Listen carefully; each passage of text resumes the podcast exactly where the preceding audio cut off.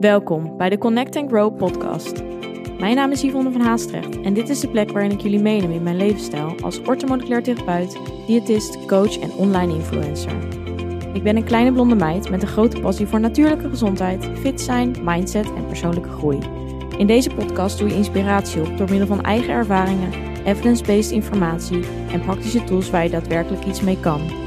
Een platform om samen te connecten en waar vele ervaringen mogelijk herkenbaar zijn. Hierdoor hoop ik jou het gevoel te geven er niet alleen voor te staan. Een veilige community met gedreven en open-minded vrouwen die allen op hun eigen manier willen groeien. Connect, be aware en take control. Ben jij er klaar voor? Welkom bij deze nieuwe aflevering. En vandaag heb ik weer een leuke en inspirerende gast. Niemand minder dan Thijs Lindhout. Voor degenen die hem nog niet kennen, Thijs is nummer 1 podcasthost van Nederland met maar liefst meer dan 1 miljoen streams. Superveel. En in zijn 100% inspiratie podcast gaat hij samen met zijn gasten op zoek naar de tools, gedachten en handelingen voor ultiem geluk. Mega inspirerend en super leerzaam. Tevens heeft hij zijn eigen theatertour, de 100% Inspiratie Show, waarmee hij eigenlijk heel het land doorgaat. Thijs noemt zichzelf Mr. Inspiratie, geluksonderzoeker en vindt het leven een zoektocht naar verbinding met jezelf. Naar mijn mening iemand die perfect aansluit bij de Connect and Grow podcast. Zeker iemand om een interessant gesprek mee in te gaan. We hebben het onder andere over de vier stappen die iedereen doorloopt op weg naar geluk en succes, zijn ochtendroutine, de gezondheid van Thijs en de middenperiode van zijn burn-out. Wat heeft hij hiervan geleerd en wat doet hij nu anders?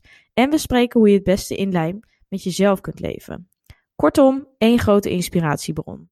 Welkom Thijs. Um, Dankjewel. We zijn vandaag in de studio van Thijs in Amersfoort. Allereerst wil ik je super erg bedanken voor dit interview. Leuk ja, graag gedaan. Ik, nou ja, leuk dat je ook mijn kant op komt. En uh, we hebben al een uurtje met elkaar doorgebracht. En ik vind het super gezellig met je. Dus ik, ik kijk er nu al naar uit. Goed om te horen. Jij hebt je eigen podcast. Ja. De 100% NL podcast. 100% inspiratie podcast. 100% inspiratie podcast, ja. excuus. En daarin ben je eigenlijk, doe je eigenlijk veel mensen interviewen naar de ultieme zoektocht naar geluk. Ja. En nou ja, waar ik zelf heel erg benieuwd naar ben, is waarom ben je eigenlijk deze podcast gestart? Is dat omdat je op dat moment ook echt zelf op zoek was naar meer geluk? Uh, ja, dat is een goede vraag. En het, het eerlijke antwoord is niet zo sexy eigenlijk. En je wil natuurlijk het eerlijke antwoord. Want een, een heel mooi antwoord was geweest. Ik zat in een dal en ik wist het voor mezelf niet. En um, toen dacht ik, laat ik de experts en de ervaringsdeskundigen aan het woord laten. Want misschien kunnen ze mij helpen naar wat geluk wel is of zoiets. Um, uiteindelijk heeft het me heel veel gebracht. Maar de oorspronkelijke reden om die podcast te beginnen was personal branding. Dus gewoon, ik zat met een marketingvraagstuk. Mm -hmm. Ik had uh, al heel erg veel onderzocht op het gebied van geluk en succes. Heel veel seminars bezocht.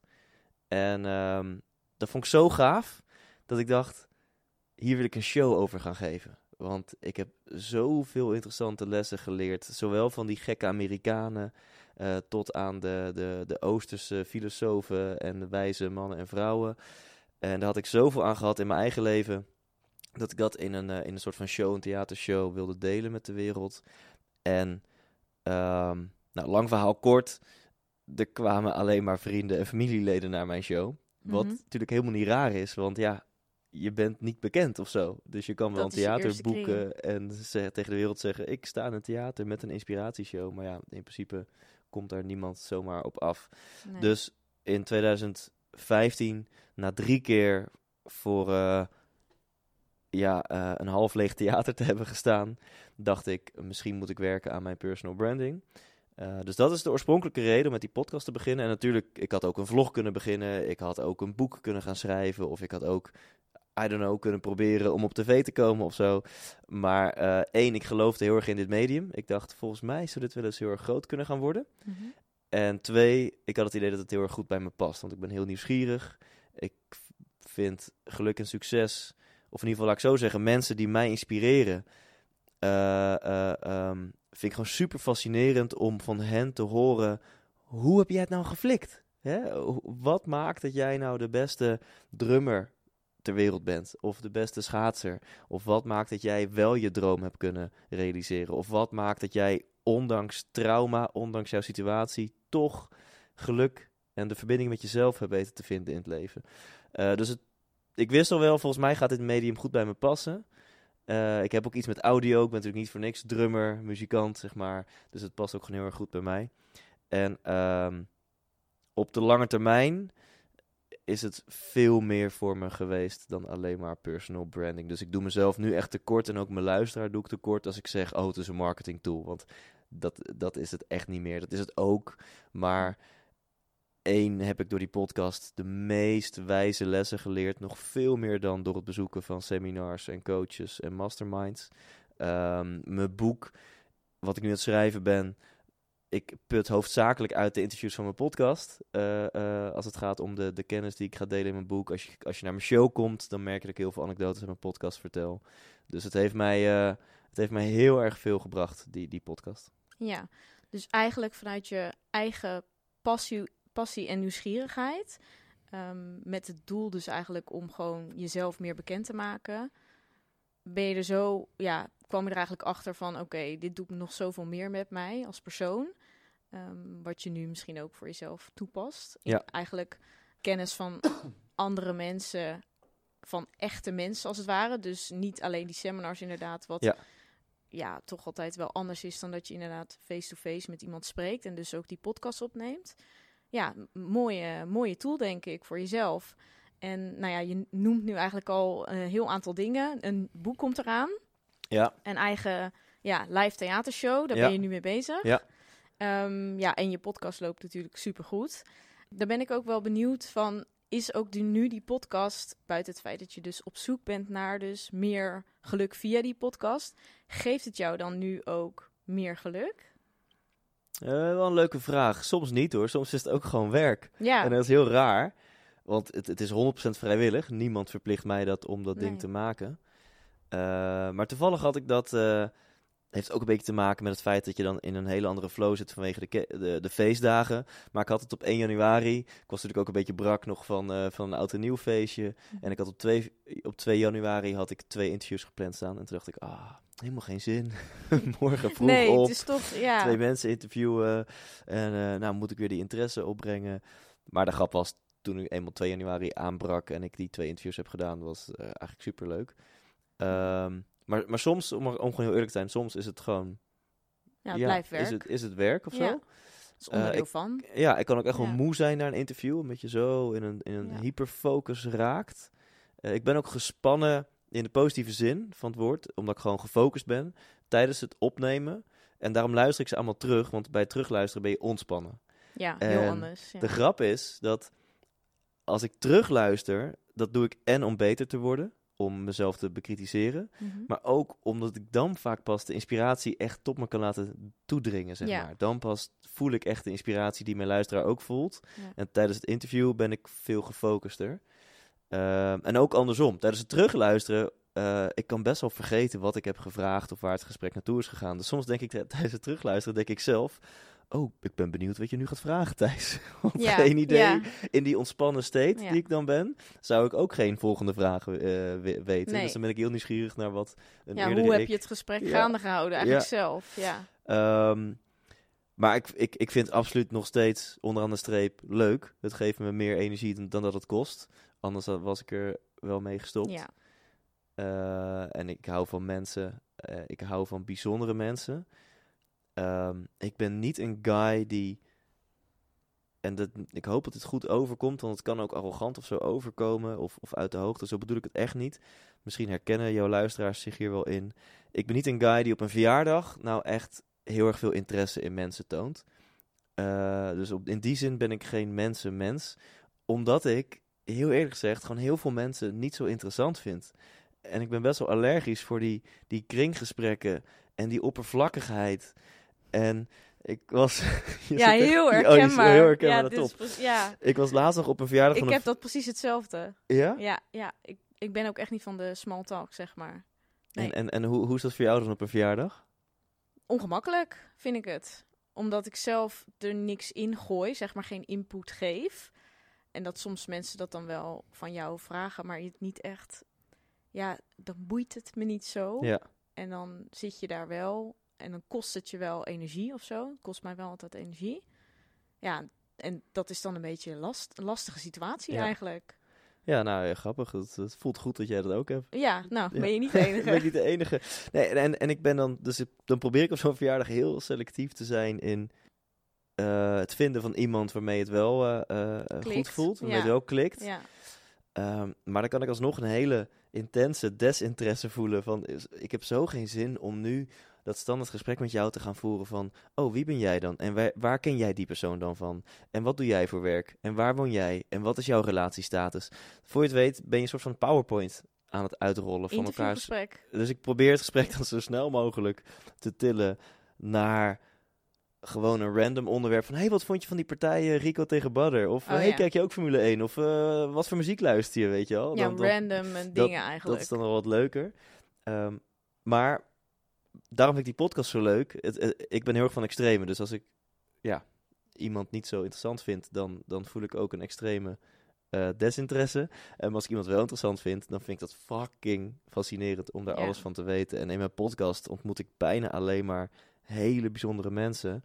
En of het nou Iris Hond is, eh, de, de pianiste die ik net heb geïnterviewd, of het is, I don't know, André Kuipers of Rico Verhoeven of Giel Belen. Het zijn allemaal mensen die niet voor niets op de plek staan waar ze staan. Ook geluk, gaan we het misschien nog over hebben. Dit interview is, geluk is ook een hele grote factor, wordt echt onderbelicht. Het heeft, Ja. heeft ook met mazzel te maken. Ehm, maar het heeft ook echt te maken met de stappen die ze hebben genomen.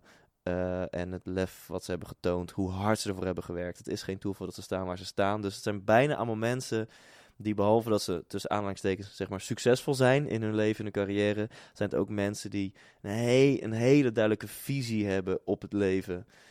En eh, dat vind ik fascinerend. Dus daar hou ik heel veel uit als het gaat om mijn podcast. Dat geeft me super veel energie. Ja. Ik vind het echt een eer dat ik met die mensen eh, mijn tijd mag spenderen. Ja, nou dat kan ik me zeker goed voorstellen. Ben ik wel benieuwd van, heb je nu voor jezelf een exacte sleutel tot succes of in ieder geval tot geluk gevonden? Uit alle info en alle input die je nu afgelopen tijd van iedereen ja, binnenkrijgt, zeg maar. Go- Goeie vraag. Als ik, als ik mijn volledige antwoord geef, dan, dan eh, zitten we hier over drie uur nog. Ja, Dus laat ik, laat ik dan zowel De voor succes versie. ja, als geluk, de korte versie. En laten we dan eerst die begrippen even uit elkaar trekken. Geluk Ja, en succes. ja. En dan voor het gemak, of juist om het interessant te maken, definieer ik dan succes even als de oppervlakkige definitie. Hè? Dus dan zeg ik even niet heel wijs van eh, succes is de mate waarin je trouw leeft aan jezelf. Want als ik dat zou zeggen, dan is succes eigenlijk hetzelfde als geluk. ja. Maar als we succes even definiëren als je, je bereikt meer dan de meeste mensen. Hè, dus je hebt een Ja. miljoen op de bank, of je hebt een nummer één hit, of je bent de beste ter wereld, of whatever. Of je hebt de beste podcast van Nederland. De, of je hebt de beste Net podcast van. Nederland. Ja. Ah, wat lief hiervan. Wat weet toch, Ja. toch een leuke, leuke meid. Ehm, hier, meteen van me apropos van zijn Sorry, compliment. ja. Oh ja, succes. Als je succes zo definieert, dan zijn de stappen naar succes in mijn ogen vrij overzichtelijk. Eh, dit zijn vijf stappen die ik bij iedereen heb gezien die ik heb geïnterviewd. Maar nogmaals, dit leidt naar de oppervlakkige definitie van succes. Dus dit Hm. wil niet per se zeggen dat het je heel gelukkig maakt. Maar wat mij betreft zijn er vijf stappen naar succes. Even kijken of ik ze uit mijn hoofd nog kan. Eén is allereerst dat je je, je je passie vindt. Dus dat het wel eh, het gebied waar jij succesvol in wil gaan zijn, dat dat wel iets is waar je energie van krijgt. Want je moet namelijk keihard gaan werken. Ja. Eh, en dan is het beter, ehm, voordat je keihard gaat werken, dat je er energie van krijgt. Anders ga je het gewoon niet volhouden. Ik bedoel, ik interviewde bijvoorbeeld Maarten van der Weijden, die zwemmer, die de, de Elfstedentocht laatst nog heeft gezwommen natuurlijk. Maar die is vooral beroemd geworden toen hij de 10 kilometer open water zwem won. Hij won Olympisch goud op die 10 kilometer open water. Ehm, en toen ik hem interviewde, zei hij dat hij het laatste jaar voor de Olympische Spelen ehm, eigenlijk 24 uur per dag trainde. Dus hij eh, woonde in een, hij sliep in een hoogtetentje, een tentje met een laag zuurstofgehalte, omdat je dan meer rode bloedlichaampjes eh, aanmaakt. Ehm, en hij sliep daar s'nachts 8 uur en overdag nog 4 uur. En dan 's ochtends om eh, half zes of zo fietste hij naar het zwembad. Dan deed hij een bril op die, weet ik voor hoeveel duizend lumen lichtsterkte in zijn ogen beamt, zeg maar. Eh, waardoor je onderbewust al het idee krijgt, hé, hey, de zon schijnt. Waardoor je dus Wow. als je bij het zwembad aangekomen bent, het is nog pikken donker, je lijf al wel in de dagmodus is. Dus is je training ja. effectiever.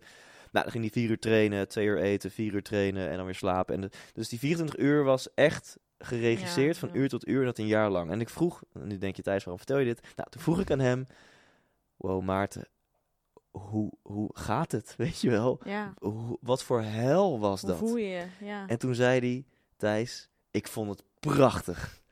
nou, ja, om aan nou, te geven, is- je moet er knetterhard voor werken voor succes, dus beter vind je het leuk, anders hou je het gewoon niet vol. nee. Dus één is, eh, waar krijg je energie van? Ja. Twee is dat het helpt als je een, een super duidelijke focus hebt. Hè? Dus, dus weet dan exact wat je wil bereiken. Hoeveel euro wil je verdienen, of hoeveel klanten wil je hebben, of eh, whatever, wat, je doel ook is.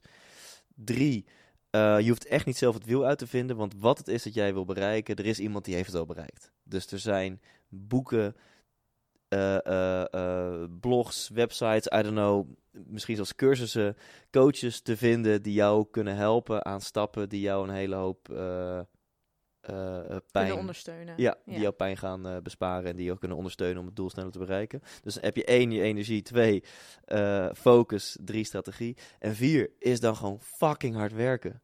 Echt keihard werken. Ja. Ik, ik kijk nu de documentaire van Kevin Hart op Netflix. En in zijn personal, of in zijn gym, aan zijn huis, hangt een grote quote aan de muur van... Everybody wants to be famous, but no one wants to put the effort in.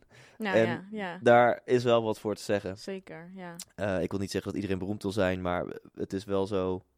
Iedereen wil wel iets bereiken, maar het aantal mensen wat werkelijk bereid zijn om ook echt ervoor te doen wat je voor moet doen om te bereiken, dat, dat is een veel kleinere groep. En vijf is vallen en opstaan. Weet je wel, de, we willen zo graag dat de weg naar In één succes lijn, ja. één lijn is. Maar eh, eh, het enige wat jou succesvol gaat maken is heel vaak falen.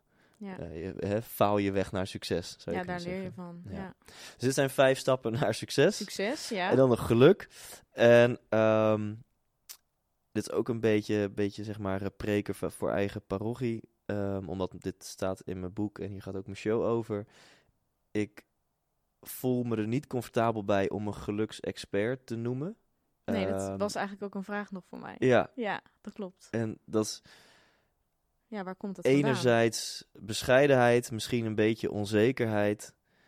Ehm, maar het, het, het voelt voor mij dat er dan een bepaalde druk op mij ligt. Eén, dat ik, het, dat ik dan de waarheid in pacht heb als het gaat om geluk. En dat vind ik nogal intens om ja, dat het is te claimen. breed. Ja, Ja. en iedereen heeft ermee te maken. Het is voor iedereen anders. iedereen anders. ja. En twee, ik heb dan het gevoel dat ik zelf altijd gelukkig zou moeten zijn. Want als jij expert bent, dan moet je zelf het altijd doen. Heb je het uitgevonden? Ja. Ja, ja. Dus ik merkte paradoxaal genoeg dat ik, ik werd, de persoonlijke Thijs werd ongelukkig van de zakelijke stempel Thijs is geluksexpert. Geluksexpert. Eh, dus ik noem mezelf veel liever geluksonderzoeker. En waar ik dan wel in geloof, ik geloof er dus niet in dat er een stappenplan is die, die eh, iedereen gelukkig maakt. Want geluk is super persoonlijk. Wat mij gelukkig maakt, maakt jou misschien doodongelukkig en andersom. Eh, Dus ik geloof niet in een stappenplan, maar waar ik wel in geloof, omdat ik dat gewoon zelf heb ervaren, dat er vier thema's zijn die in ieder zoektocht naar geluk de rode draad vormen. Omdat ik zelf in mijn zoektocht naar geluk zo erg uit de bocht ben gevlogen. Ik heb voor meer dan 50.000 euro aan seminars bezocht. Ik heb 100 plus dagen in een seminarruimte gezeten. Ik heb eh, ontelbaar veel coaches gehad. Ik heb 160 mensen geïnterviewd. Eh, dus ik heb een hele intensieve zoektocht eh, een- achter de rug. En die gaat alleen maar door natuurlijk. Maar al tien jaar lang ben ik ermee bezig. En ik ben iemand die alles toepast. Ik ben niet bang om alles toe te passen. Dus ik ben ook gewoon zelf heel veel op mijn bek gegaan. Ja. Maar ik heb gemerkt, of het nu een inzicht was van eh, ga elke ochtend koud douchen. Of het was een inzicht van eh, zorg ervoor dat je, dat je een duidelijke focus had, hebt. Of het was een inzicht wat heel erg gaat over het, doorbreken van je persoonlijke overtuigingen. Of het ging juist om eh, eh, juist meer de spirituele hoek. Dat je meer dankbaar bent voor wat je hebt. Of dat je s'avonds opschrijft waar je dankbaar voor was die, die dag. Nou, Ja. Ik noem nu gewoon maar wat random voorbeelden. Maar ik ben er telkens achter gekomen door in mijn eigen leven aan de slag te gaan met mijn geluk. Dat deze vier thema's telkens terugkeren. Ja. Eh, en waarschijnlijk wil je dan ook wat over die thema's weten. Maar dat Nou, laat ik lekker aan jou. nou ja, je mag wel wat over vertellen. Maar wat ik ook, ehm, wat je net zei, wat ik mooi vind, of in ieder geval, eh, je noemt jezelf dan wel geen geluksexpert. En ik denk dat het ook heel menselijk is om daar een bepaalde druk van te krijgen, zeg maar. Ik bedoel, als ik naar mezelf kijk, mensen noemen me ook wel eens inderdaad, je zei het ook tegen mij, fit girl of zo Ja, dan voel ik zelf ook die druk dat mensen ja, dat je er dan altijd dus fit girl uit moet zien. Wat dat dan ook al is. Want dat is natuurlijk ook weer voor iedereen anders. Mhm. Maar kijk, ja, bij jou bijvoorbeeld, ja, de, de cijfers en de alle dingen die je doet, wijzen er wel op, weet je wel, dat je er verstand van hebt. Ja. Maar hoe een ander naar naar kijkt, ja, wanneer ben je expert? Dat is natuurlijk, dat is ook lastig te bepalen. Wie, wie zegt dat, wanneer je een expert bent? Dus ik vind het ook gewoon mooi dat je dat zelf beseft, als het ware. Of in ieder geval, geluksonderzoeker is net zo mooi. Ja. Ehm, ja, en daarin gewoon dan je eigen pad bewandelt. En je hoeft inderdaad ook niet altijd gelukkig te zijn. Vind ik mooi, ja. Thanks. Ja, jij noemt ook, of in ieder geval in je um, live theatershow, um, daar haal je ook het woord connectie aan. Nou, deze podcast ja. gaat natuurlijk ook over uh, deels connectie, dus Ja. herkenning. En jij noemt dat, uh, het is een, eigenlijk een universele term voor geluk en flow. En dan ben ik benieuwd, wat voor jou, wat staat, waar staat die flow voor bij jou? Ja, heb ik dat gezegd? Ja, dat staat op je website. Oh, wauw. Ehm, oh, dat heb ik dan in een opwelling, eh, heb ik het woord flow eh, dan erin gefietst. Ehm, ja, dus ik, ik heb een minder duidelijke visie op flow dan je nu misschien, misschien had, Dan dat je- verwacht. ja. dat je nu had verwacht. Sorry voor deze vraag. Nee, nee, dat kan jij niet weten. Maar ik zelf ervaar. eh, wanneer ervaar ik flow? Ik heb sowieso een heel interessant interview gehad met Jan Bommeré. Je schrijft Jan Bommeres. Echt super, eh, super interessante gast. Mhm. En ehm, als ik op het podium sta, ervaar ik echt ultieme flow. Ik, ik ervaar flow als in 100% in het nu leven.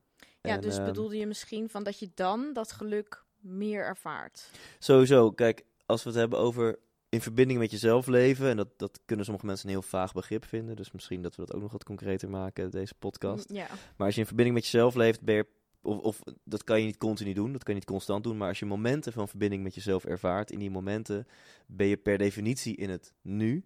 En in het nu is ook de enige plek waar je geluk gaat vinden. Sterker nog, in het nu is het super makkelijk om geluk te vinden. Want in het nu kan er geen stress zijn. Stress is altijd een focus op het verleden of op de Ja. toekomst. Dus vaak spijt over het verleden of piekeren over de toekomst. Hm. En in het nu is het heel makkelijk om geluk te vinden. Eh, en als je in flow bent, ben je in het nu. Dus in flow ben je in een staat van, van gelukzaligheid. ja. En dat ben ik absoluut op het podium. Dat kan ik tijdens interviews zijn. Tijdens het sporten kan ik dat zijn. Tijdens het drummen. Tijdens de seks. Nou, dat zijn denk ik al vijf hele mooie Mm, ja. dingen die, eh, waarin je ultieme flow... eh, bijna. ja, ja, pri- primaire levensbehoeftes. Primaire, ja. ja. ja. Nee, oké. Ja, duidelijk. Dus dat is meer een middel om het geluk te vinden, misschien. Eh, zeg ik het dan goed? Uh, ja, ik denk Voor sowieso jou. dat geluk is een. ehm, is dus het resultaat, maar je kan je niet focussen op het resultaat. Je kan je niet, in mijn ogen, dus je kan je focussen op meer momenten van verbinding met jezelf ervaren in je leven. Ja. Vervolgens moet je ook nog eens wat doen met de wijsheden die je vindt in verbinding met jezelf. Hè? ja, Want dat, dat, daaruit ja. Kan best wel naar voren komen dat je bepaalde keuzes moet maken. Hm. Dat je bepaalde confrontaties aan moet gaan. Hè, dus als je in verbinding, als je meer momenten van verbinding met jezelf in je leven krijgt, daarnaar luistert en vervolgens het lef hebt om trouw daaraan te leven, om trouw in jezelf te leven, dan is een mogelijk gevolg, eh, en ik denk zelfs een logisch gevolg, dat je gelukkiger wordt en veel momenten van geluk zal ervaren. Ja. Dus ik zou zeggen, focus je op de verbinding met jezelf en geluk is het gevolg. Dus ook echt meer, ja, niet doen wat de stroming doet, maar doen wat binnenin jou zegt dat je zou Ja. moeten doen of een goed gevoel bij hebt. En in een volzin zou je kunnen zeggen, zoek niet naar geluk, zoek naar de verbinding met jezelf. Nou, dat is een mooie uitspraak. Dankjewel. Ja, die mag Ja. een tegeltje. Kom je toch nog mooi uit met eh, hoe de, waar de flow vandaan komt. Ja, heb ik Toch? me toch, Ja. toch nog enigszins een Ja. mooi antwoord op kunnen improviseren. Ehm, eigenlijk, want dat weten mijn luisteraars wel, maar jij mogelijk nog niet. Maar het feit dat ik deze, of, ja, deze podcast ben gestart, is eh, mede ook dankzij jou. Wauw. Omdat ik dus jouw eh, online training heb gevolgd. Oh, wat cool. En ehm, nou ja, ik had in mezelf, of voor mezelf, had ik eigenlijk voorafgaand daaraan best wel veel ehm, ja, overtuigingen. Die ik, waardoor ik me eigenlijk liet tegenhouden. Dus ik vond mezelf niet technisch genoeg, te onervaren, nog nooit iemand geïnterviewd. Dus waarom, weet je wel, wat heb ik te vertellen? En ja, toen had ik ook een podcast van jou geluisterd. En toen zei je ook van, nou, de allereerste keer dat ik mijn interview, de allereerste interview dat ik deed, was met Angela Groothuis volgens mij. Ja, Toen reed ik daar naartoe en toen dacht ik echt letterlijk van... Ja, dit is eigenlijk het allereerste interview wat, wa- wat ik ga geven. Heb ik nog nooit gedaan. En toen ik dat hoorde, toen dacht ik echt... Ja, nou ja, dat heeft hij ook. Dus misschien moet ik het ook maar gewoon doen. Dus dat is... Ja, dat is misschien leuk voor jou om te weten. Dat, ja, dat zet natuurlijk toch wel ja, mensen in beweging. Ik denk dat het mooi is dat jij gewoon je... Ja, ik wil niet zeggen imperfecties, maar dat je wel gewoon je echtheid en je, ja, je mensheid laat zien. En ik denk dat jij dat dus ook in je podcast, dat dat gewoon, dat je dat heel mooi naar buiten kan brengen. En dan ben ik wel benieuwd, had jij zelf, eigenlijk voordat je, nou, je- je, kwam er dan misschien wat later achter, achter die dingen die je dan tegen zou kunnen houden. Jij kwam er dan achter in de auto. Ik had dat misschien iets eerder, in een, in Mhm. een stadium eerder. Maar heb, je, heb jij dat wel eens? Dat je je alsnog door bepaalde gedachten of dingen in je hoofd jezelf tegen laat houden? Of heb je nog een angst voor bepaalde? ja, ja tuurlijk. Ehm, sowieso tof dat je dit zegt. En eh, dit, dit, dat ehm, inspireert me ook wel om, om nog meer van die menselijke kant of zo te laten zien. Ja, En ik zeg er of zo bij, want ik zelf ben daar niet, niet zo van bewust. Dus ik heb inderdaad dat video, eh, dat filmpje, die video opgenomen voor die podcasttraining. En terwijl ik dat dan opneem, heb ik geen idee of het inspirerend is of niet. Sterker nog, bij dat filmpje dacht ik, ja, wie zit er nou? Mensen willen toch gewoon die training. Mensen willen toch gewoon meteen eh, een spreadsheet, tips en tricks en stappenplannen. Ga ik een beetje over mijn eigen journey lopen lullen. En nu zeg jij dat dat juist jou inspireerde. Dus Ja. dat, is, dat vind ik cool om terug te krijgen. ja. En de vraag of ik nog angsten heb of, of dingen die ik in mijn hoofd tegen mezelf zeg die mij tegenhouden. ja, of jij daar nog wel eens, ja, of je dat ervaart. Ja, tuurlijk. Eh, Want je boek komt eraan. We hadden het er net al even over. ja, dus om, ik, ik kan zat. Het is niet, niet zo dat ik. Als ik vanaf nu een lijstje bij zou houden van een week lang van welke negatieve gedachten ik heb of welke angst ik heb, dan eh, komt er zo'n lijst hoor. Staat die ook vol? Dus ja, dus zo, eh, eh, het, het lijkt dan alsof dat misschien bij mij minder zal zijn. Of misschien, I don't know, ik heb wel wat stappen gezet. Dus misschien is het minder dan bij een gemiddeld mens. Geen Ja, idee, maar nee. ik heb ze genoeg. Maar nu, om, om, de- om ze echt te bewust te benoemen, moet ik echt wel even nadenken. Maar dat is net een mooi voorbeeld inderdaad. Ik stuurde een, nou ik zei een Frankenstein-versie van mijn eerste hoofdstuk naar mijn uitgever. Omdat ik er veel minder tijd in heb gestopt dan ik wilde. En zo- het is nog lang niet af met allemaal notes en zo. En dan wil ik me echt het liefst daarna verstoppen. Dan denk ik, oh god, ik heb morgen een meeting met ze. En waarschijnlijk gaan ze morgen ze- zeggen van, oh Thijs, ga maar even zitten. Ehm, ja, dit is, dit is echt niet goed. Weet Ja. je wel? Of dat ze zeggen, oh, wat, wat, wat kan die man spreken? Ja, dan ga je dus toch twijfelen, twijfelen aan jezelf. Terwijl Ja. ik denk dat mensen van buiten heel erg denken van... Oh, die, eh, die jongen of die man, die heeft het helemaal voor elkaar, weet je wel. Eh, zoveel mensen die naar hem kom- komen luisteren. En toch heb je dus alsnog ook die, ja, toch die twijfel of misschien een beetje onzekerheid in je. Ja, en- maar ja, dat oh. is... Sorry, wat je Ja, nou, als spreker, en ik heb er net een podcast over opgenomen, dus als mensen dat tof vinden, luister dan de nieuwjaars eh, special op mijn podcast. Dan eh, heb ik het met een bevriende spreker een beetje over het vak spreken. En als spreker, en ik ben dus al nou ja, tien jaar spreker, waarvan de eerste vijf jaar amateur en sinds vijf jaar professioneel, in de zin van dat ik er mijn geld mee kan verdienen. En echt pas sinds dit jaar, eh, of nou vorig jaar dan, sinds 2019, is het me gelukt om als spreker best wel zelfverzekerd het podium op te gaan. En daarvoor ging ik nog best wel vaak het podium op met de gedachte: gaan mensen dit wel leuk vinden? Ga, is het wel goed genoeg? Ja. En eh, dat is ook wel echt lekker dat ik daar doorheen ben. Dat ik Ja. nu meestal het podium op ga met bijvoorbeeld afgelopen zaterdag stond ik in Helmond voor 400 man in eh, Theater het Speelhuis. Een super mooi theater en eh, uitverkocht. Dus ehm, fantastisch. Ja. En, eh, en daar kon ik ook echt het podium op gaan. Gewoon kwispelend, zou Remco Ja. Klaassen zeggen. Helemaal gewoon vol energie van... Oh, ik heb hier zoveel zin in. En, en dat is zoveel leuker om zo het podium op te... En mijn eerste zin was ook gewoon... Jongens, ik heb er zoveel zin in! ja. Weet je wel? Eh, ja, maar dan kan je ervan genieten. ja, en dat, dat is gewoon leuk. In plaats van dat stemmetje van... Oh, gaan ze, het wel, eh, gaan ze het wel leuk vinden en zo. Ja. Ja. Mooi in ieder geval dat je, ja, dat je er meer van kan genieten. Want dat zou anders natuurlijk zonde zijn. Dat je altijd maar achteraf denkt van Ja, het is voorbij en wat heb ik eigenlijk gezegd. En Ja. ja, Dat, eh, Ja, dan, dan kan het best wel een zwaar beroep zijn. Dat heb ik ook Ja. wel eens meegemaakt. Dan ja. flik je jezelf weer voor de leeuwen. En als je dan zelf niet achter staat wat je doet, of gewoon nog te onzeker bent over wat Ja. je doet, eh, ja, dan is het niet altijd het meest leuke beroep. Nee. Ja, want dat is ook. ehm, je hebt ook een periode gehad. Nou, je zei net al van, nou, ik wil er geen, ik wil mezelf geen geluksexpert noemen, omdat het me een bepaalde druk geeft dat ik het gevoel heb dan zelf altijd gelukkig te moeten zijn. Nou heb je ook een periode gehad dat je, nou, wat minder lekker in je vel Ja. zat, dat je in een burn-out zat. Ja. En toen was je al gestart met je podcast, dus Ja. zat je er eigenlijk middenin. Ja, En toen heb je hem on hold gezet Ja. eigenlijk. Ben je toen bang geweest voor eigenlijk de... Of dat eigenlijk een negatief effect zou hebben op je... Ja, je, het, hetgeen waarvan mensen jou kenden. Ja, de zoektocht naar geluk.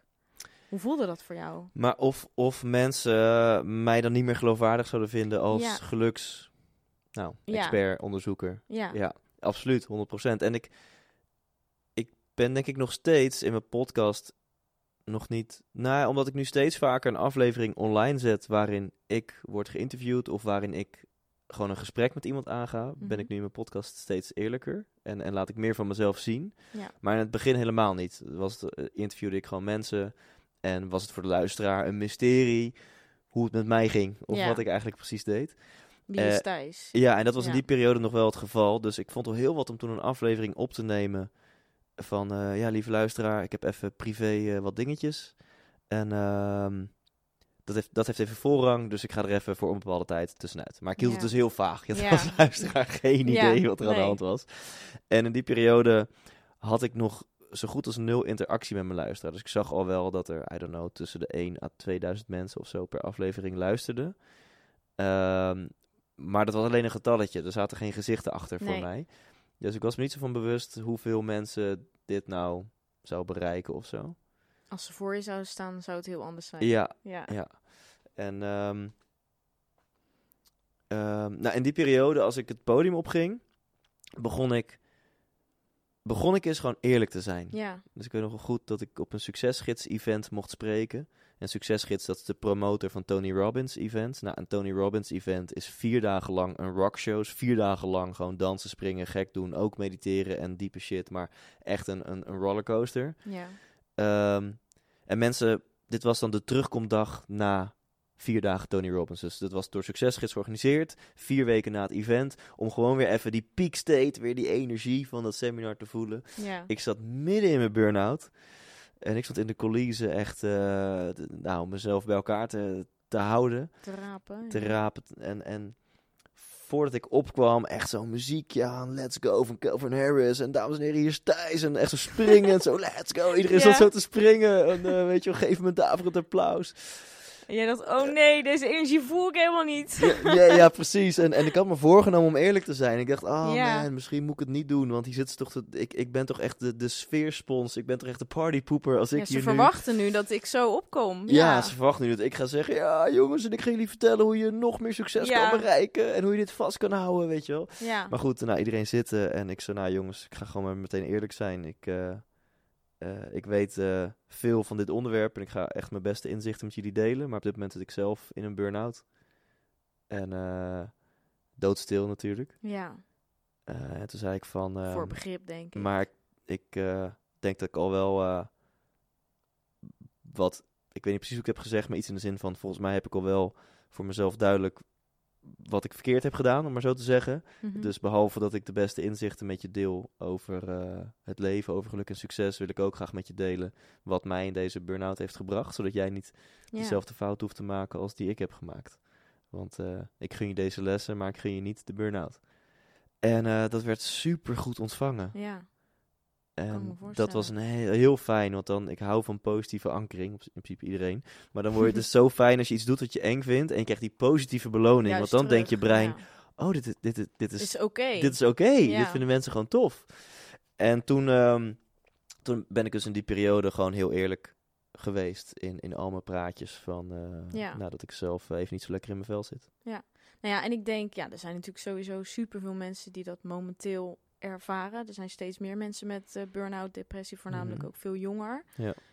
Ja, mensen kunnen zich er alleen maar meer in herkennen. En dat zorgt dan weer voor die connectie, denk Ja. ik. Ja. Maar je vraag was perfect geformuleerd, want het tegenovergestelde is waar je bang voor bent. Ik dacht echt, ja. op het moment dat ik hier als geluksspreker ga zeggen dat ik zelf nu in een burn-out zit, of dat ik zelf niet gelukkig ben.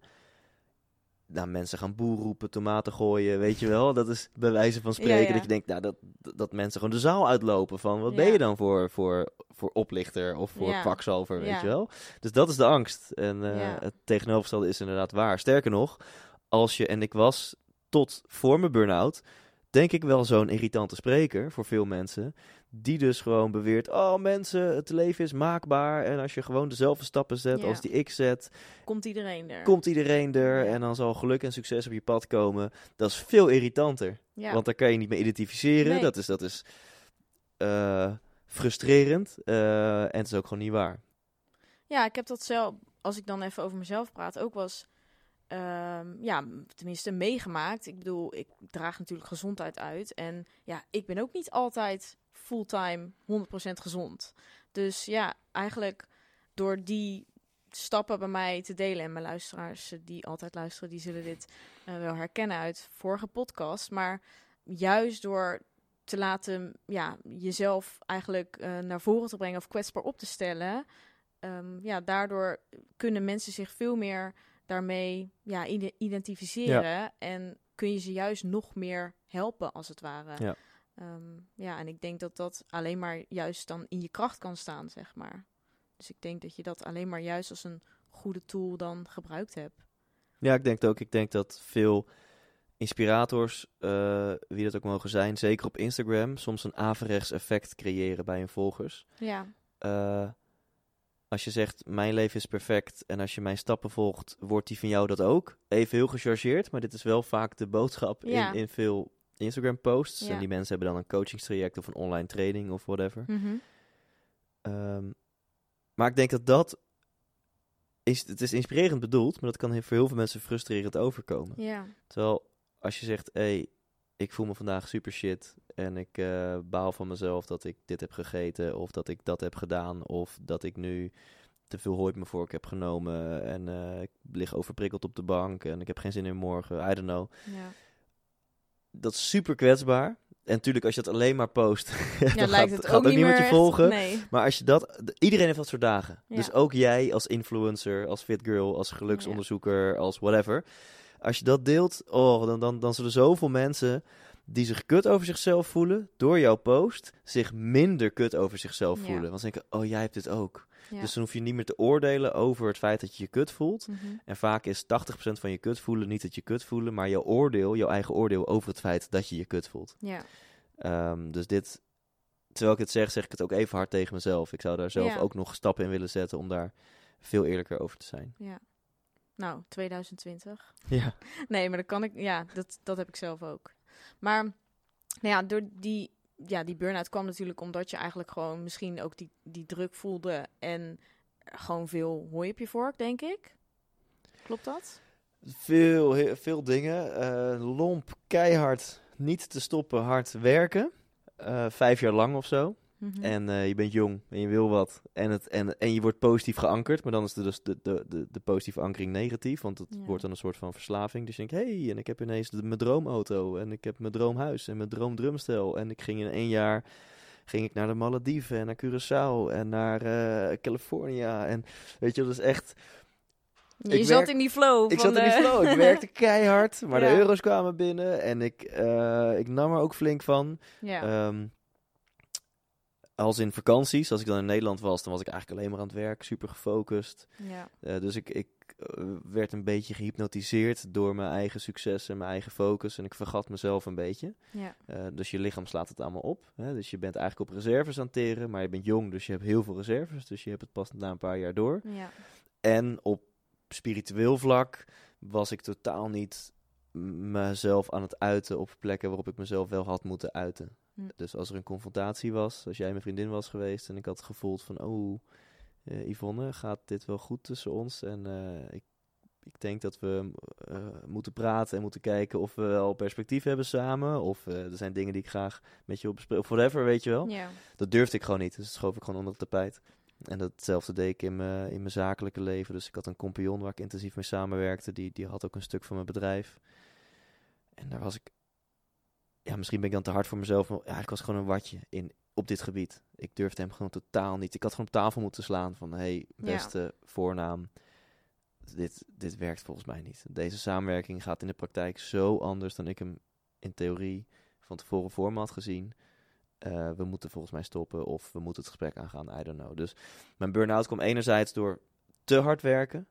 Um, harder dan het, de energie die je hebt. Dus dan lekt er energie. Ja. En dat is een keer eindig. En, um, en anderzijds door uh, op te kroppen. Confrontaties ja, op te meer je grenzen ook aangeven misschien. Ja. Ja. ja, totaal geen grenzen. En aangeven. herkennen dan natuurlijk ook. Ja. ja. Ja, en hoe, want je bent nog steeds druk, dus hoe, ja, ik bedoel, hey, wat heb je ervan heb geleerd, je, heb je daar, Ja, wat heb je daarin veranderd? Ja, wat, het, wat echt Misschien een hele... vraag, nee, hoor. nee, is een goede vraag. Wat een hele grote verandering is, is dat energiemanagement is nu een rol in mijn leven. Soms Hm. misschien zelfs te groot. Soms denk ik dat die herinnering of die pijn of die angst van die burn-out nog te vers in mijn geheugen zit. Ja, Dat ik soms te bang ben dat ik er weer overprikkeld raak of zo. ja, Ik ben nu zo bewust op microniveau gewoon gedurende de dag van even tijd nemen om fatsoenlijk te lunchen. Of even niet continu op die telefoon zitten. Hm. Of laat ik vanavond even gewoon met de poes op de bank zitten. Eh, maar ook op weekniveau gewoon laat ik niet drie of vier avonden op rij s'avonds een afspraak hebben. ja, Eh, dus ik ben me veel, en zo kan ik twintig dingen opnoemen, Ja. maar allemaal van die kleine dingetjes, maar daar gaat het om, die mini-interventies ja. die ervoor zorgen dat je. En het gebeurt echt nog wel eens, hè, dat ik eh, overprikkeld ben. Ja, eh, dat of dat ik te veel hooi op mijn vork neem. Dus ik had gisteren nog zo'n momentje dat ik dacht, jezus man, zat ik dus dat boek te typen. En voelde ik best wat stress, omdat mijn uitgever iets van me verwacht. En Ja. eh, ik had zaterdag natuurlijk die show. denk ik, ja gast, heb je zaterdag een show? En dan zit je zondag ook te werken. dat is ook niet gezond. Nee. En eh, ik had ook nog met mijn team een feestje gepakt. eh, dus dan maximaliseer ik dat ook ook weer, weet je wel. Dus na die show Ja. op zijn kop gezet, voor zover dat kan. En weinig slapen en zo. Dus ik heb nog steeds wel eens dat soort momentjes. Maar energiemanagement is nu echt een, een, een thema wat ik heel erg in de gaten hou. Ehm, Ja, daar geef En- je ook prioriteit aan ja. nu. En wat echt nog wel beter kan, is focus. Eh, dus ik heb die podcasttraining. Nou, super tof dat jij die hebt afgenomen. Mhm. Uh, maar dat kost best wel tijd. Weet je, natuurlijk, je hoeft een online training maar één keer te bouwen. Maar om het allemaal te onderhouden en om dat te verkopen en om eh, vragen te beantwoorden, kost tijd. Kost ook gewoon brain space. Weet Ja. je, dat is ook nog zoiets als gewoon. Misschien hoofd. dat het concreet helemaal geen tijd kost, maar het is wel headspace. Ja? Het kost Ja. tijd in je hoofd. Het kost focus in je hoofd. Je hebt maar x aantal focuspunten. Hè? Waar geef je die aan uit? Nou, dus ik kan nog even doorgaan. Dan heb ik nu dus het boek. Ik heb mijn theatershows. Ik heb mijn zakelijke praatjes. Ik heb hier het bedrijf De Duurzame Adviseurs. Ik heb Ja. twee stichtingen. Nou, dus focus is echt nog wel een ja. belangrijk eh, thema. ja, dus daar kun je nog wel in verbeteren. Ja, en dan ga ik ook, ik ga dit jaar eh, eh, daar wel echt wel stappen in zetten. Ja. Ik heb wel wat keuzes gemaakt, wat ik dit jaar wel, waar ik wel en niet mijn aandacht aan ga geven. Ja, mooi. Ja. Goed. Ja, en heb je voor jezelf een tool of routine of een bepaalde handeling of zo die je bijvoorbeeld eh, heb je een ochtendroutine die je sowieso doet waardoor je weet dat je beter opstaat of mediteer je of Super grappig dat je dit vraagt, want ik denk serieus dat ik vanochtend, dit is echt mega toevallig, heb ik voor het eerst in, ik denk zeker twee jaar, mijn ochtendroutine niet gedaan. echt? Ja. Omdat ik... Een, Dat was omdat, voorbestemd deze vraag. ja, dit Nu is... zet ik je voor het blok. omdat Sorry. soms kunnen zo'n dingen ook een averechts effect hebben. En ik wilde dat vanochtend wilde ik dat even testen. Mhm. Omdat ik dus gisteravond vanwege dus die deadline van mijn boek best wel laat in bed lag en er vanochtend Mhm. weer vroeg uit moest, dacht ik, weet je, ik ga morgen, had ik gisteravond al bedacht, ik ga morgenochtend gewoon super lief voor mezelf zijn. En ik hoef morgenochtend niet die fucking koude douche te nemen. En ik hoef niet die 20 push-ups te doen. Nee. En, eh, en die mini-meditatie. Ehm, dus om dan eerst daar antwoord op te geven, mijn, mijn normale ochtendroutine bestaat uit vier hoofdelementen. En het kost niet eens zo heel veel meer tijd. Ik denk dat het maar 10 minuten meer tijd kost dan een gemiddelde ochtend. Eén is eh, een glas citroenwater. Dus dat is een halve liter water waar ik een hele citroen in uitpers. Goed. Ja. Twee is een koude douche. En niet koud afdouchen, gewoon koude douche. Dus ik eh, zet de douche aan en eh, dan is het gaan.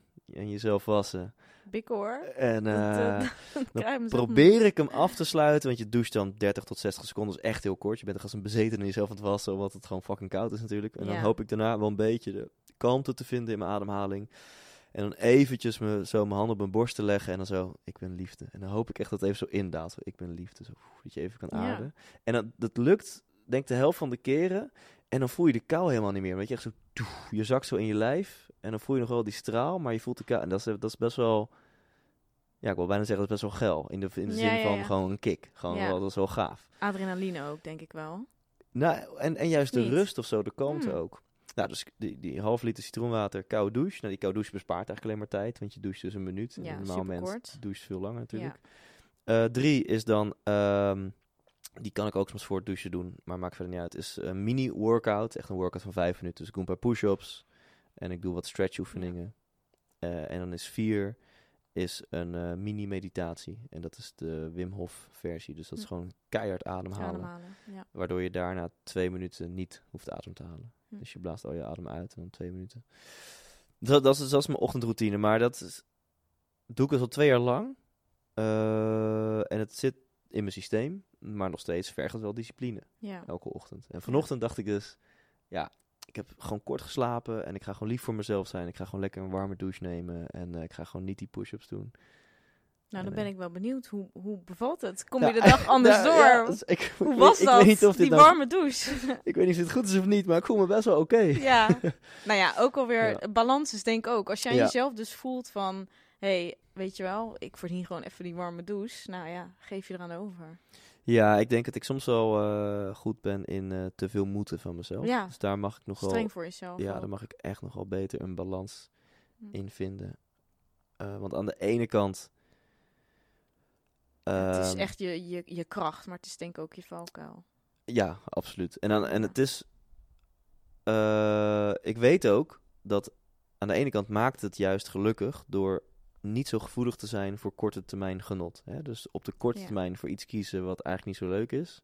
Dat geeft juist op de lange termijn geluk. Ja. In mijn theatershow zeg ik dat in zo'n volzin van in het leven moet je vaak de moeilijke weg kiezen, want dan heb je een makkelijk leven. En als je de makkelijke Mhm. weg kiest, heb je een moeilijk leven. Ja.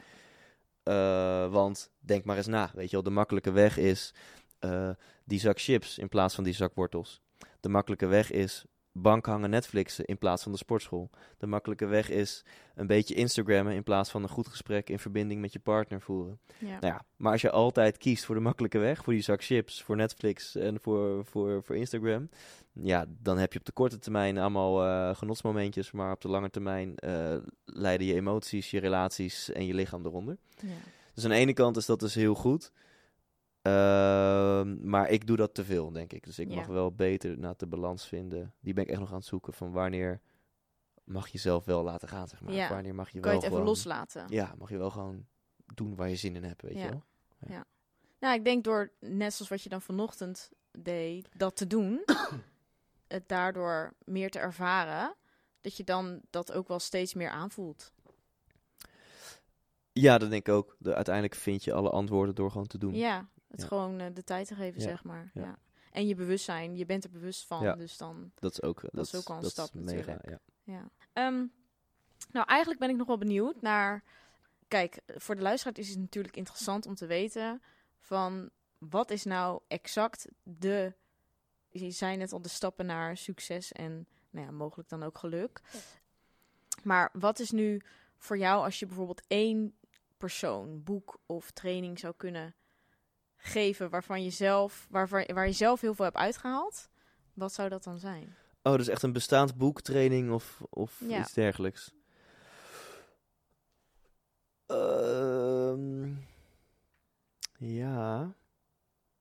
Ja, je hebt zoveel gedaan. Dat het... Ja, ik heb veel gedaan, niet zoveel gelezen. Dat valt tegen. Nee. Oh, ik je luistert liever of eh, Ja, helemaal ik, niet? ik, ik eh, luister sowieso liever, maar ik, ik, het liefste interview ik de auteur. En dan heb ik gewoon van de Ja. bron, heb ik in Dan anderhalf weet- uur ja. de, de essentie. Ik Ehm, heb ook geen tijd om te lezen waarschijnlijk.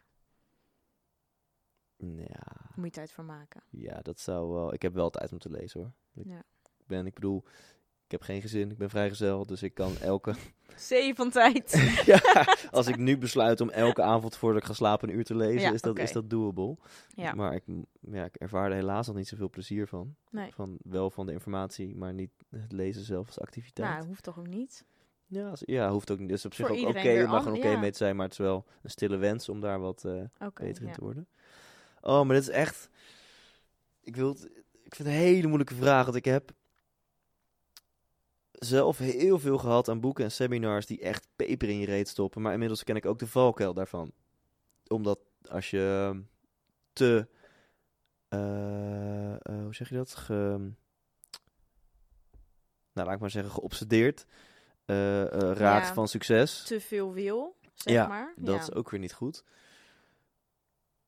Kijk, uiteindelijk is het geheim leven trouw aan jezelf. Nou, misschien is het dan mooier om te vragen van... Hoe kun je dan meer trouw aan jezelf leven? Heb je daar een ja, antwoord dat op? is, eh, dat Of is dat nog moeilijker? Dat is wel de vraag. Der, als, Ja. als ik daar de, het antwoord, eh, een, een eenduidig antwoord op had of was, dan ehm, was dat tof geweest. Trouw leven aan jezelf. Ik, ik zie stap 1 zie ik als eh voel de verbinding met jezelf. Want Ja. dan kan je daar trouw aan gaan leven. Ehm, ja, laat ik toch met een antwoord op je vraag komen. Ik denk dat uiteindelijk dat de, de spirituelere boeken en seminars toch waardevoller zijn dan de, laat ik maar even heel simpel zeggen, peper in je reet boeken en seminars. ja. En je hebt hier eigenlijk niet eens een seminar voor nodig. Ik raad iedereen aan om nou, op microniveau, de, dus, dus iets wat je vaker kan doen, wat je periodiek kan doen, de natuur ingaan. Eh, een stukje wandelen. Dus dat kan je, nou, beginnen met dat één keer per kwartaal te doen of zo. Eh, maar als je dat een keer wat groter wil aanpakken, neem dan een eh, notitieblokje mee en ga eh, op een mooie dag gewoon lekker ergens in het bos op een boomstronkje zitten. Ja. Zonder telefoon. En neem pen en papier mee en ga gewoon eens schrijven. Hm. Ehm, stel jezelf wat vragen. Hey, wat gaat goed? Wat gaat minder goed? Hoe voel ik me? Ja. Hoe wil ik me voelen? Um, wat zijn dingen die ik misschien te doen heb in relaties? Wat zijn ja. keuzes die, uh, die ik misschien wil gaan maken? Ik denk dat alle antwoorden al in ons zitten. Ja. En daarom vind ik het woord ontwikkeling ook zo mooi, want het gaat om het ontwikkelen. Dus al die wikkels, ja, wikkels ervan je, afhalen. Ja. Uh, dus ik denk dat alle antwoorden in ons zitten en die gaan we vinden in rust, in stilte, in leegte, misschien zelfs wel in eenzaamheid, wat we heel eng vinden. Maar dat is gewoon heel erg goed om je soms eenzaam te voelen, om, om je soms te vervelen. Mm -hmm. Uh, om je soms ongemakkelijk te voelen, want dan voel je even wat je te voelen hebt. En daar vind je ook de helderheid en de wijsheid waar de juiste keuzes uit voort kunnen vloeien. Dus ik zou zeggen, vakseminars en vakboeken. Zorg er gewoon voor dat je de rust, de stilte, de leegte opzoekt. Dat je dat durft. En dat je in dat moment uh, nou, bijvoorbeeld gaat schrijven of iets ja. doet met de inzichten die dan komen. Ja, dus eigenlijk ook zelf de actie onderneemt. Ja. Want ja, blijven zitten en niks doen, dat, dat heeft geen nut. Ja. Je moet er dus wel echt zelf voor werken. Ja. Ja. Mooi antwoord. Ja, ik denk dat, um, ja, dat dat wel iets is wat mensen ook wel weten, maar dus wel moeilijk vinden om dus ook echt toe te passen in de praktijk. Maar goed, ik denk dat... Uh, dat hoe jij het brengt, zeker uh, het een ja, mooie motivatie of drive kan zijn om, uh, ja, om bij jezelf. Uh... Ja, weet je, laat ik het dan een klein stapje, want eh, ik weet hoe gedragsverandering werkt. Um, ik weet er niet alles van, maar ik weet er veel van, omdat ik gewoon al die experts zelf interview. ja. En um, kleine stapjes werken, want grote stappen vindt je brein veel te ingewikkeld. Dit is een best ja. grote stap. Echt zo um, de natuur in gaan, een paar uur. Maar je kan het zo klein maken als je zelf wil. En dat je geen tijd hebt is echt gelul. Want iedereen heeft elke dag tijd om op Instagram te zitten. Of ja. nu.nl of de Ziggo Sport app. Wat, wat het ook is. Iedereen heeft wel Mhm. Een schermtijd van meer dan een uur per dag. En dat Ja. is echt niet alleen maar essentiële telefoontjes en zo. Dus als je tijd hebt om ook maar vijf minuten per dag te Instagrammen, te Facebooken, te nu.nl, wat het ook is. Rel nou eens vijf minuten van dat in voor even stilzitten en voor je uitstaren. Iets voor jezelf. Ja. Even nul prikkels. Ja. Stilzitten voor je uitstaren of, of wandelen. Vijf minuten. Dat is het enige wat ik van je vraag. En als je dat, als, als, als morgen je dat ook lukt en overmorgen ook, dan eh, wordt het misschien wel een gewoonte. En eh, dat, is, dat is te doen. Ja, en dan kun je het stap voor stap uitbreiden in de zin hoe jij het Ja. zelf wil. Ja. Ja, want je zegt nu wel vakseminars en vak eh, shows, maar je eigen show. Want er zijn, Ja. er zijn nog kaarten, Ja. toch? Mensen kunnen nog naar je show komen. Ja, in, in het Beatrix Theater. Sterker nog, dat is de, ik kan wel janken, dat is de laatste show. En de allerlaatste show. allerlaatste 100% inspiratieshow. Mm. En er zal wel weer een nieuwe show komen, maar dat wordt een nieuwe show. En Ja. eh, die moet ik nog gaan schrijven. Die zal in première gaan dit najaar, in het najaar van 2020. Oh, dat is best wel... eh, Ja, ik moet aan de bak. Ja, nog Ehm, mooi op je vork. Ja, ja, ja, dat hoort erbij. Nou, ik heb, je gaat aan, aan de slag met je management, eh, time management. Dus dat eh, komt, Komt helemaal goed. Dit, dit, ja. is, dit is mijn focus. Ja. Het eerste half jaar van 2020 is mijn focus een boek schrijven en een nieuw theaterprogramma schrijven. Ja. Maar ja, ik heb er zo'n 31 jaar over gedaan, zou je kunnen zeggen, om dat eerste programma te schrijven. Wat Ja. nu dus de 100% inspiratieshow is. Mhm. Ehm, dat zijn echt de beste lessen van mijn 31 jaar zeg maar, levenservaring. Mijn 10 jaar lang zoektocht naar geluk. Met al die seminars, al die boeken, al die interviews. Mijn eigen successen, fuck-ups. Een aantal van de oefeningen die ik super leuk vond om te doen. Of die veel indruk op mij maakten. Die gaan we ook met de zaal doen. Dus het is echt een interactieve avond. ja. eh, waarin je aan de slag gaat met die vier thema's. En als ik zeg aan de slag ga, het is geen workshop, je hoeft geen pen en papier mee te nemen, het is gewoon een leuke avond uit. Maar door de verhalen die ik vertel, word je automatisch tot nadenken gezet Zet over, hey, het wat betekenen die vier thema's voor mij? ja. Dus als je dat tof vindt, ja, dan is er echt nog maar één kans. En ik vind het echt heel jammer. Ik zou nog wel twintig shows ermee Ja. willen doen. Ehm, maar dat is de laatste op 10 februari in Utrecht in het Beatrix Theater. En we hebben al meer dan 1200 tickets verkocht. Dus we hebben echt nog maar, ik geloof, 200 of 250 tickets beschikbaar. De laatste tickets. En dan zit die ook vol. Dus ja. als je dit hoort ja en je wil erbij zijn, dan Ja. zou ik nu maar meteen een ticket bestellen. Want anders ben je waarschijnlijk te laat. Ik zal de, alle info even van Thijs in de show notes zetten. Dus dan kun je, nou, als je dit gehoord hebt en je bent helemaal geïnspireerd geraakt, nou, dat kan niet anders, dan eh, moet je zeker even naar de show gaan. Ja, ik wil je eigenlijk super erg bedanken voor het gesprek. Ik vond het super leuk. En, en dat hebben we nog eens gezegd. En dat op je verjaardag. Ja! Dat is super bijzonder. Ja, ik dacht, zal ik het zeggen in de intro, maar ik denk, nou, Nee, nu heb ik, nu heb ik het verneukt voor gezegd. je. ja. Dames en heren, Yvonne is 26 geworden. Ja, Ik ga niet zingen, want dat wordt echt, Nee. dan, wordt, dan haken luisteraars Hoeft af. Maar niet, als ik het niet. had gekund, had ik het voor je gedaan. dank je. Heb je zelf nog iets dat je zou willen delen of vragen of zeggen naar de luisteraars? Eh, nu merk ik zelf pas hoe vervelend die vragen aan het einde is. Die stel ik ook altijd aan wij mensen. Echt Zo, Excuus. zo super open vraag. Ehm, ja, laat ik dan... Ik heb de, de serieuze versie hiervan heb ik al genoemd. In de vorm van eh, de vind die rustmomenten, vind die verbinding met jezelf, vind die flow. Laat ik dan nu... ehm, De andere Eh, kant van ja, Thijs laten zien? ook de andere... Ja, dus, dus heb lol mensen. Ja, dus doe. Ja, dat klinkt zo stom. Ik zeg doe leuke dingen. Maar nee, neem het leven niet zo serieus. Dus heb Ja. lol, neem het leven niet zo serieus. Eh, als kind was je fucking speels. En dat kind zit nog steeds in je. Dus doe nog steeds speels. En ehm, dat is denk ik heel erg belangrijk.